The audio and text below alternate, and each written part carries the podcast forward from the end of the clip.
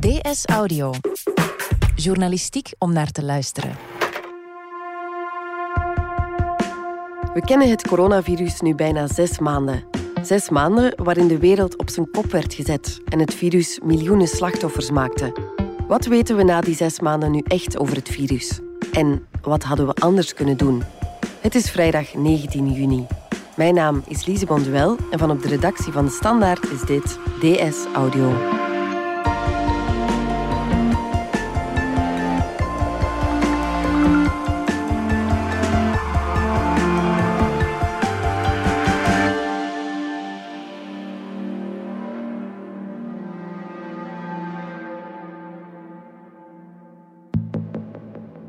We zitten hier vandaag met drie van de vier wetenschapsredacteurs rond de tafel op veilige afstand van elkaar.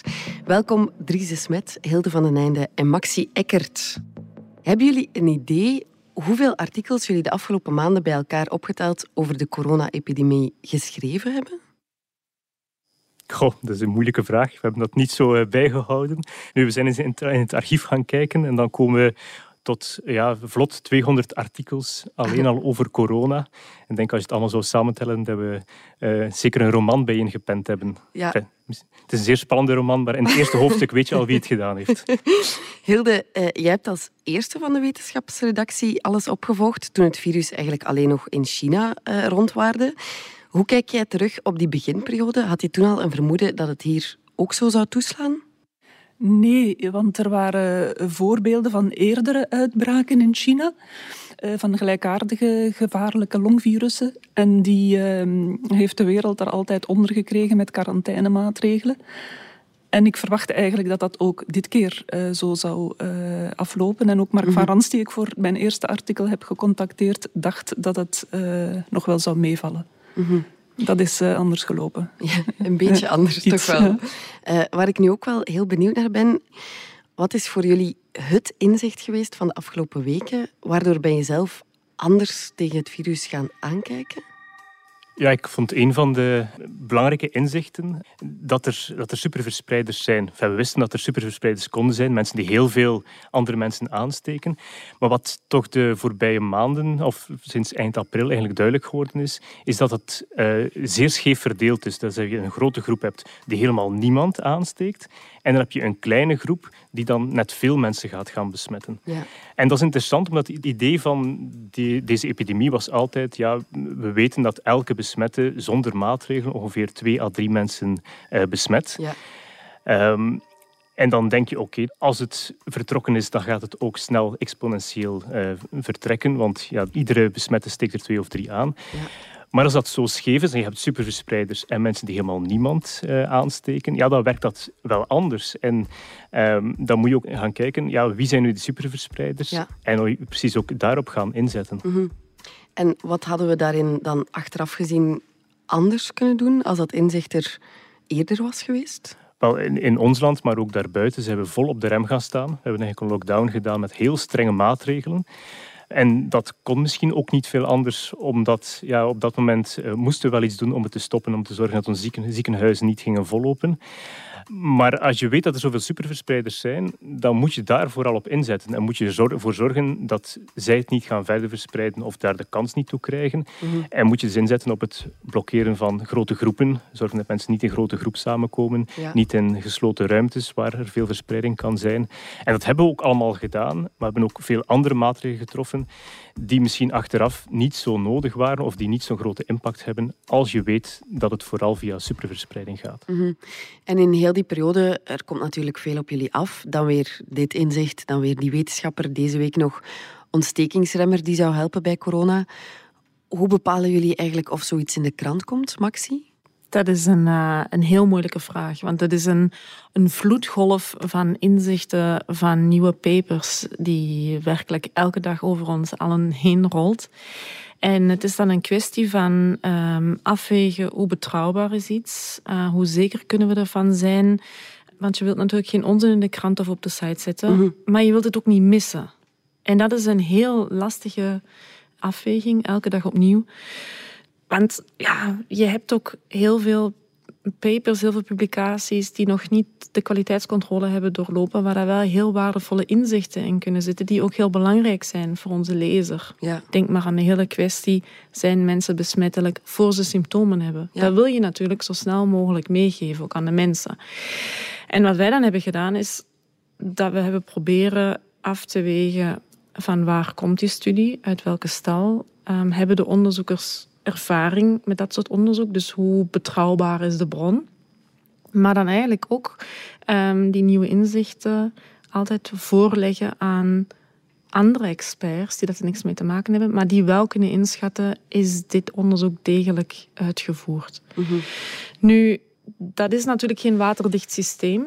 Maar tot dusver, houd vasthouden, uh, zijn er geen grote ongelukken mee gebeurd bij de standaard. Ja, er is nog niks verschenen waarvan jullie achteraf dachten... Hmm.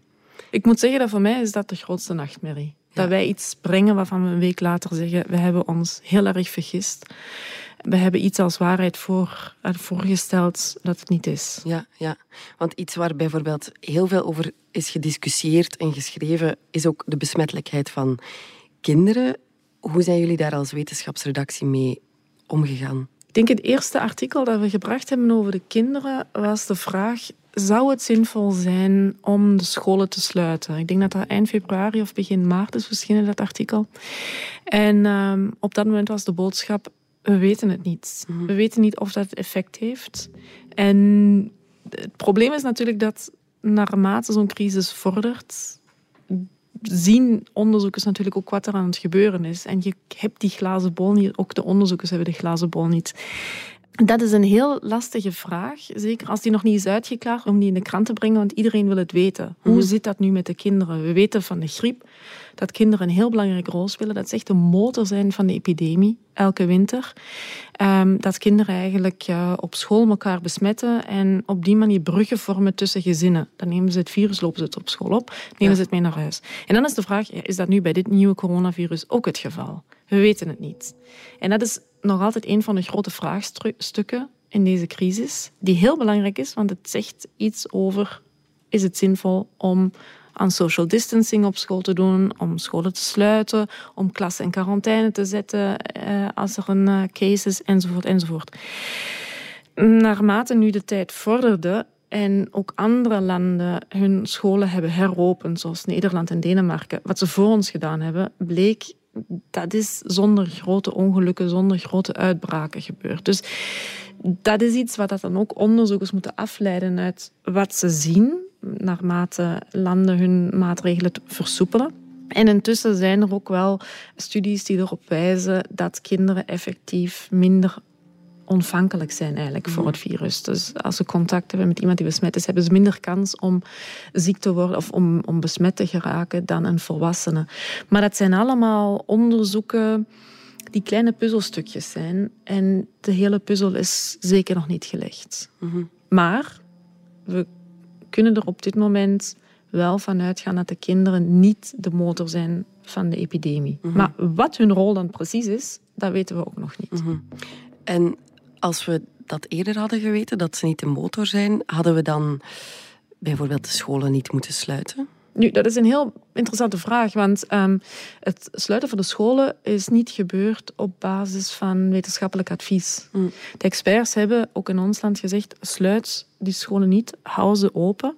En het was dan eigenlijk uh, door politieke druk, met name de beslissing in Frankrijk, waar alle scholen, alle crèches gesloten zijn, dat ook bij onze scholen gesloten zijn. Ja, uit voorzorg. Ja, en achteraf hebben de experts ook al gezegd van waarschijnlijk heeft het wel geholpen om de scholen te sluiten. Want je vermindert het contact tussen volwassenen aan de schoolpoort, volwassenen, dus ouders onder elkaar, ouders, leerkrachten. Je hebt minder reizigers op het openbaar vervoer. Dus dat zijn allemaal secundaire effecten die wel zullen hebben bijgedragen tot het terugdringen van het virus. En je -hmm. ziet nu ook bij het heropenen van de scholen dat dat natuurlijk op een heel andere manier gebeurt dan hoe dat het op de scholen was, net voordat ze zijn gesloten. Ja. Daar is ook het laatste woord nog niet over gezegd. Mm -hmm. Wat het effect nu van het sluiten van de scholen is. Mm -hmm. Maar dat inzicht was wel belangrijk, ook in het beleid. Dus inderdaad, we hebben nooit gesloten omwille van de experts. We hebben wel weer opnieuw geopend uh, op voorspraak van de experts. Want het zijn de experts die zeiden van het is mogelijk of het is niet mogelijk. Ja. En ik weet in het begin toen de scholen opengingen, dat puzzelstukje hadden we nog niet, dat kinderen inderdaad minder besmettelijk waren. Um, en dus zijn ze ook uit voorzorg ervan uitgegaan, ja, ze zijn even besmettelijk. En Ja. dat heeft natuurlijk wel een invloed op het tempo van de heropeningen. Ik denk dat een heel belangrijk inzicht eigenlijk uit Denemarken kwam. Toen duidelijk werd, zij hebben hun scholen heropend. En drie weken later was duidelijk geen grote uitbraken in de scholen. Het is mogelijk om het veilig te doen. Dat heeft natuurlijk ook heel veel angst weggenomen eh, Ja. bij de leraren en, eh, eh, en, en de directies. Mhm. Je haalde het daarnet ook eigenlijk aan dat het in het begin ook niet zo duidelijk was wanneer mensen nu eigenlijk besmet waren en, en het besmettelijkst waren. Kregen jullie daar snel inzicht in? dat werd redelijk snel duidelijk. Er is in China heel veel onderzoek gebeurd. Uh, China heeft op een zeer nauwkeurige manier bijgehouden um, als er cases waren. Wie heeft uh, iemand besmet? Wanneer heeft de ene persoon symptomen gekregen? Wanneer de andere? Dus eigenlijk echt besmettingskoppels en, um, noemen ze dat. En op basis van dat onderzoek, dat trouwens in ons land niet mogelijk zal zijn, want uh, we zijn al blij als we onze cases kunnen opsporen. Um, op basis van dat onderzoek kan je afleiden hoeveel tijd zit er tussen het ontstaan van symptomen en kan je ook afleiden wanneer heeft persoon X, persoon Y besmet. En dat werd eind maart echt wel duidelijk dat de besmettelijkheid van een zieke persoon het grootst is net voordat hij of zij symptomen ontwikkelt. Hebben we dat dan uh, na dat inzicht anders aangepakt? We zijn daar zeker rekening mee gaan houden, maar misschien ook niet voldoende. Mhm. Mm -hmm. uh, als je weet dat mensen besmettelijk zijn voor ze symptomen krijgen, dan is het wat vreemd om te zeggen, ja, bijvoorbeeld enkel mensen met symptomen moeten een mondmasker dragen. Ja. En ik denk dat we dat te laat of niet snel genoeg daarop geanticipeerd hebben dat het wel degelijk belangrijk is dat mensen die het meest besmettelijk zijn, namelijk voordat ze symptomen krijgen, ook uh, maatregelen moeten nemen. Ja.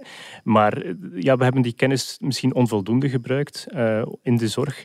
En dat hadden we denk ik wel kunnen doen, ja. Ja. ja, ik denk dat het nu wel duidelijk is dat daardoor uh, dat die kennis onvoldoende is toegepast, inderdaad in de woonzorgcentra, waar um, nog altijd de zorgkundige uh, of het personeel zonder mondmasker rondliep en Mhm. mm -hmm. op die manier ook uh, het, het, het, virus heeft binnengebracht in de Ja. woonzorgcentra en waar mondmaskers wel een verschil hadden gemaakt. Ook Ja. al waren het herbruikbare mondmaskers geweest.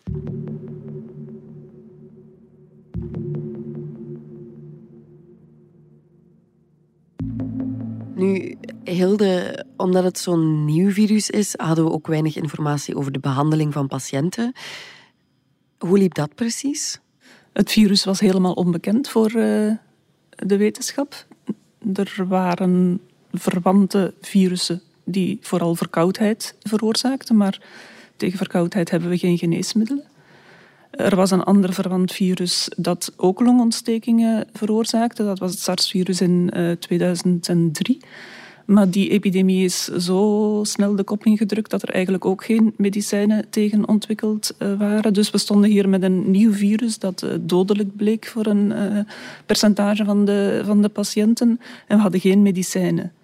Dus wat hebben artsen gedaan? Ze hebben geprobeerd om algemene virusremmers tegen uh, de ziekte in te zetten met uh, wisselend succes.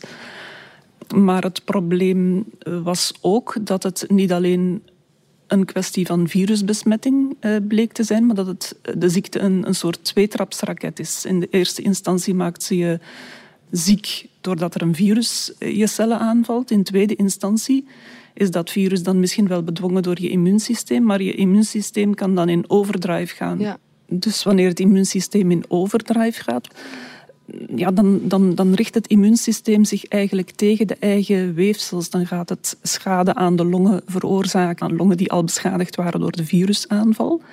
De longen kunnen gaan lekken. Het virus kan op die manier in de bloedvaten terechtkomen. Um, ook de immuuncellen die verspreiden zich door de hele bloedsomloop en kunnen andere organen gaan aanvallen, de nieren, de, het hart. En op die manier ja, eigenlijk een shock veroorzaken, mm -hmm. waardoor alle organen van het lichaam uitvallen, mm -hmm. of, of, deels uitvallen, waardoor iemand overlijdt aan de secundaire uh, schade van de infectie en niet aan de gevolgen van de virusinfectie zelf. En wanneer kwam dat inzicht? Ja, vrij snel, omdat artsen op intensieve zagen dat er mensen met uh, hartschade en nierschade en schade aan andere organen op hun afdelingen lagen. En beperkte informatie kwam ook uh, vrij door autopsieën. Er mhm. zijn lijkschouwingen gebeurd bij uh, coronaslachtoffers, niet veel, maar dat was toch al informatief om duidelijk te maken dat het probleem zich niet beperkte tot de longen, wat eerst werd gedacht. De longen zijn het voornaamste slagveld van deze ziekte, maar het stopt niet altijd bij de longen. Nee. Ja, artsen kenden deze ziekte niet. Artsen wisten niet eh, welke vijand ze voor zich hadden. Mhm. Inmiddels is er met trial and error uh, geprobeerd om bestaande medicatie in te zetten, mhm. om een aantal van die verschijnselen in te dijken. Soms lukt dat, soms lukt dat niet. Inmiddels lijkt er één medicijn te zijn, een um, corticosteroïd, dat het um, aantal overlijdens op intensieve zorg kan beperken. Maar dat is nog altijd geen wondermiddel. Nee. het interessante aan die hele kwestie, um, die Hilde nu ook heeft uitgelegd, is dat het dus om een ontstekingsremmer gaat. Dus mhm. dat is geen virusremmer. Dus het, enige geneesmiddel dat nu lijkt te helpen, is iets dat die overreactie van het lichaam ja, onder controle uh, brengt, hopelijk, bij sommige patiënten. Maar dat is dus geen middel tegen het virus. En dat is ook wel een piste die, die bewandeld wordt en die ook wel belangrijk is, waarbij dat er ook de voorbije weken heel veel is misgelopen, of de voorbije maanden. Sinds maart um, hebben we een hype gezien rond een oud malaria-middel, hydroxychloroquine. Dat is het middel dat Donald Trump ook preventief heeft genomen om COVID-19 uh, bij zichzelf te voorkomen. Ja. Nu, en dat is eigenlijk een heel mooi voorbeeld van hoe het ook vreselijk mis kan lopen in de wetenschap. Midden maart kwam een Franse groep uit Marseille naar buiten met een studie die erop wees dat patiënten die in het ziekenhuis liggen met COVID-19, dat zij sneller zouden genezen als ze hydroxychloroquine uh, namen. Maar die studie, die, ja, eigenlijk als we het gewoon cru zeggen, dat was gewoon een flutstudie. Dat trok op niks. En, en die kritiek was er eigenlijk al van in het begin. Maar um, toch uh, ontstond er dan een hype rond die ja, aangewakkerd is door politici zoals Trump, ook Macron, die dan in het labo van die onderzoeker, uh, Didier Raoul heet die, uh, op bezoek ging. landen gingen het, het geneesmiddel hamsteren. India heeft dan ook de export stopgezet, zodat ze zelf genoeg van het middel zouden houden. En iedereen niet iedereen, maar de onderzoekers zagen zich genoodzaakt om dan dat middel ook in klinische studies te testen. Nu, um, zelfs dan ook, dus die klinische studies zijn eigenlijk begonnen gebaseerd op een zeer gebrekkige studie, dus daar kun je al vragen bij stellen. Vervolgens kwam er dan in een, dag of tien geleden, of twee weken geleden, kwam er in The Lancet een paper, een data-analyse, die dan aantoonde dat uh, het middel helemaal niet hielp. Integendeel, dat patiënten er last kregen van de bijwerkingen, hartproblemen dan bleek dat die dataset achter die analyse, dat die helemaal niet in elkaar zat. Dat eigenlijk ook niet duidelijk was van waar hadden die onderzoekers nu eigenlijk die data en bestaan die data wel. Dus die studie is dan teruggetrokken. Maar inmiddels waren wel studies met hydroxychloroquine on hold gezet. Toen dan die studies teruggetrokken, zijn die klinische studies weer heropgestart. Dus een en al chaos, waar je ziet van, er is toch ook wel het is niet altijd even fraai wat er in de, mhm. in, in de labs en in de ziekenhuizen gebeurt als het om uh, wetenschappelijk onderzoek gaat. En waarom hielden ze zo vast aan die studie?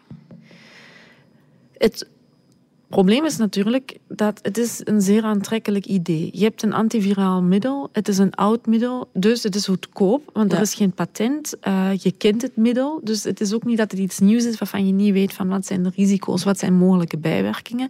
Dus dat is een aantrekkelijk idee om vanuit te vertrekken, omdat je heel veel tijd wint als het zou werken. En dan komt zoiets in een stroomversnelling als politici erop springen. Ja. Dus uh, dan kan je eigenlijk als onderzoeker niet anders, en ook de WHO kon niet anders dan zeggen van oké jongens, we moeten dit onderzoeken. Ook al is de bewijslast om zo'n onderzoek te starten eigenlijk heel dun. Je kunt er niet meer omheen. Omdat het zo... Omdat, Omdat het overal is. Ja. Als zelfs Donald Trump zegt dat hij het neemt, ja, dan moet, kunnen we eigenlijk niet anders dan het ook onderzoeken. Ja. En dat is toch wel. En, en dan natuurlijk dat er in de volgende stap bij de data-analyse van die onderzoeken ook van alles misloopt. Dat is natuurlijk. Ja, zo gek kun je het eigenlijk niet verzinnen. Mhm. Maar nu heeft de WHO wel in de nacht van woensdag op donderdag wel heel duidelijk gemaakt. Het is over en out. Wij stoppen met alle studies. Oké. Dus hydroxychloroquine is een, eh, een dode piste. Zoals het er nu uitziet. Want we moeten altijd een slag om de arm houden in deze crisis. Ja. Maar hebben we daar kostbare tijd mee verloren? Of zijn andere onderzoekers ondertussen wel ook... Er loopt ook nog van, van allerlei ander onderzoek. Dus ik denk niet dat er tijd verloren is. Maar je kunt je natuurlijk vragen dat wij stellen of dat je mensen die heel erg ziek zijn, ehm, die je gaat behandelen met een geneesmiddel waar ook eh, bijwerkingen aan verbonden zijn. Zoals, ja, je kunt hartritmestoornissen krijgen of een, een hartaanval doen als je hydroxychloroquine neemt. Is dat dan wel verantwoord om patiënten daarmee te behandelen? Ook al is het in een studie, ook al worden ze gemonitord, ehm, je hebt er toch eigenlijk wel een sterke bewijslast voor nodig om zo'n studie met de nodige risico's ook op te starten. Ja. Nu, Dus ik denk ook dat over wat daar is misgelopen in die he- hele hydroxychloroquine-saga, dat daar ook nog niet het laatste woord over is gezegd. Nu, een paar landen, zoals het Verenigd Koninkrijk, Nederland, Zweden, die hebben lang vastgehouden aan groepsimmuniteit. Die wilden graag eh, groepsimmuniteit opbouwen als strategie. Dries, wat weten we daar nu concreet over? Ja, dat was een, een heel krachtig idee. Alleen bleek het in de praktijk niet te werken. Ik denk dat een van de eerste studies die we daarover eh, te zien kregen, was een studie in Duitsland, in Gangelt. Dat was, een gemeente die zwaar getroffen was na een carnaval, waar een grote uitbraak geweest was. Eh, en daar bleek dan dat maar 15% het al gehad had, dus die antistoffen had. En dat is eigenlijk niet veel voor een gemeente waar een uitbraak geweest is. En dat heeft zich eigenlijk overal ter wereld bevestigd. En dus de landen die daarop ingezet hebben, die dat ook een, tot een deel van een strategie gemaakt hebben. Denk aan het Verenigd Koninkrijk. Die zeiden, ja, we gaan daar voor groepsimmuniteit. Ehm, door dan het laten circuleren bij de gezonde populatie, waar weinig mensen aan sterven. Ja. Zodanig dat de oudere populatie het zeker niet meer krijgt. Ja, het heeft ook niet gewerkt. Daar zie je ook niet dat daar veel eh, virus eh, gecirculeerd heeft en dat veel mensen al antistoffen opgebouwd hebben. Maar natuurlijk, ja, je, je mag ook niet vergeten dat ehm, het, de droom van een groepsimmuniteit eh, was ook heel sterk gelinkt aan de hoop dat heel veel mensen, een groot percentage van de besmette personen, de ziekte zouden doormaken zonder enig symptoom. Dus eh, de hoop dat eigenlijk een heel deel het zou krijgen, het niet doorheeft en daar dan vanaf is, maar daarna wel een hinderpaal is voor het virus. En natuurlijk, dat inzicht, er zijn wel degelijk veel mensen die doormaken zonder, of een behoorlijk aandeel maakt het door zonder enig symptoom. Maar toch, dat is geen 90 procent, bij wijze van spreken. Maar dat is natuurlijk ook een inzicht ja, dat ook moet, eh, moet rijpen. En heb je daar concrete cijfers van? Hoeveel mensen het doormaken zonder symptomen? In de volwassen bevolking schat men dat het ergens tussen de 20 en 40 procent zit. Ja. Maar goed, dat zijn mensen die hebben geen symptomen, maar ze kunnen dan wel, en dat is ook iets dat we nu weten, en dat is ook een inzicht dat moest groeien, zij kunnen het dan wel doorgeven. Dus Ja. ook al hebben ze geen symptomen, eh, ze zijn wel geïnfecteerd en ze kunnen het virus doorgeven. Ja. Dus ze zijn nog niet meteen een hinderpaal. Nee. En eens je het gehad hebt, kan je het dan nog opnieuw krijgen? Of ben je dan wel immuun? Nog zo'n vraag die onopgelost is. Oké. We weten het niet. Hilde, er was ook ja, onduidelijkheid over de manier van besmetting. Hoe raak je nu eigenlijk besmet? Is dat via de lucht, via druppels, via, via oppervlaktes? Dat weten we allerminst zeker. Er wordt van uitgegaan dat de voornaamste besmettingsroutes zijn die via aanhoesten en aanniezen en de route via contact met besmette oppervlakte. Maar heel erg veel experimenteel bewijs daarvoor is er niet. Men gaat ervan uit dat het zo is, omdat het ook bij andere vergelijkbare virussen zo verloopt, eh, de besmetting zo verloopt. Door aanhoesten, door aanniezen, grote druppels met virussen erin die door de lucht vliegen. En uh, contact met, ja, ik zeg maar iets, een toetsenbord waar iemand op heeft zitten werken die eerder uh, op zijn handen heeft uh, gehoest en die besmet is en het al dan niet zelf weet. Dat soort routes. Maar alle experimenten die tot dusver zijn gebeurd, zijn laboratoriumexperimenten geweest. Niet met virus, vanwege het risico. Dus men heeft wel experimenten gedaan van als iemand hoest, hoe ver reiken die, die druppels dan? Dat soort informatie hebben we. Maar um, die experimenten zijn niet gebeurd met besmette mensen. Ja, er zijn nog een boel vragen die onbeantwoord blijven. Een van die vragen is um, hoeveel virusdeeltjes iemand binnen moet krijgen om zelf ziek te kunnen worden. Dat verschilt heel erg uh, per virus. Je hebt virussen waarvan je maar een, paar exemplaren binnen moet krijgen om ziek te worden. Bij andere zijn dat er duizenden of, of, of meer. Voor dit coronavirus hebben we geen enkel idee op dit moment. Zijn er uh, inzichten waarop we nog wachten die ja, alles kunnen weer doen verschuiven? Ja, ik denk uh, de hele kwestie rond de kinderen. Die gaat toch ook echt wel in detail uitgeklaard moeten worden. Zeker als we eraan, als we moeten vrezen voor een tweede golf in de herfst en in de winter. Wat doen we dan met de scholen? Mm -hmm. Dus dat is toch echt nog wel een, een heel belangrijke vraag die hopelijk snel uitgeklaard wordt. Mm -hmm. Ja, en ik denk waar we ook zitten op te wachten is een vaccin. Ja. ja, zal er een vaccin komen en zal het werken? Want het is nog niet gezegd, het is niet omdat je een vaccin hebt dat het ook perfect werkt. Um, dus dat, dat wordt sowieso een, ook een cruciale vraag omdat een vaccin ons ook de hoop heeft om ja, terug naar het oude terug te kunnen keren. Ook al ja. zal het misschien nooit helemaal het geval zijn. En we weten ook niet wanneer dat vaccin in de apotheek zal liggen. Mm -hmm. Als we al een vaccin hebben, zal het nog een hele klus zijn om dat vaccin in uh, ieders bovenarm te krijgen. Ja. Dan hebben we bij wijze van spreken 7 miljard dosissen nodig. En die uh, produceer je niet van de ene dag op de andere. Ja, jullie zijn dus duidelijk nog niet klaar met schrijven. Bedankt Dries, Maxi en Hilde. Graag gedaan. Graag gedaan. Dit was DS Audio. Wil je reageren? Dat kan via dsaudio.standaard.be. In deze aflevering hoorde je Dries de Smet, Maxi Ekert, Hilde van den Einde en mezelf, Lise Bonduel. Anna Korterink deed de eindredactie. De audioproductie gebeurde door Joris van Damme. Brecht Plasgaard schreef de muziek die je hoorde in deze podcast. Vond je deze podcast interessant? Weet dan dat je er elke werkdag één kunt beluisteren.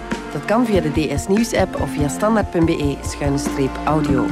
Je kunt je ook abonneren via iTunes, Spotify of de podcast app van je keuze. En als je daar dan toch bent, schrijf gerust een review. Zo toon je ook anderen de weg. Maandag zijn we er opnieuw.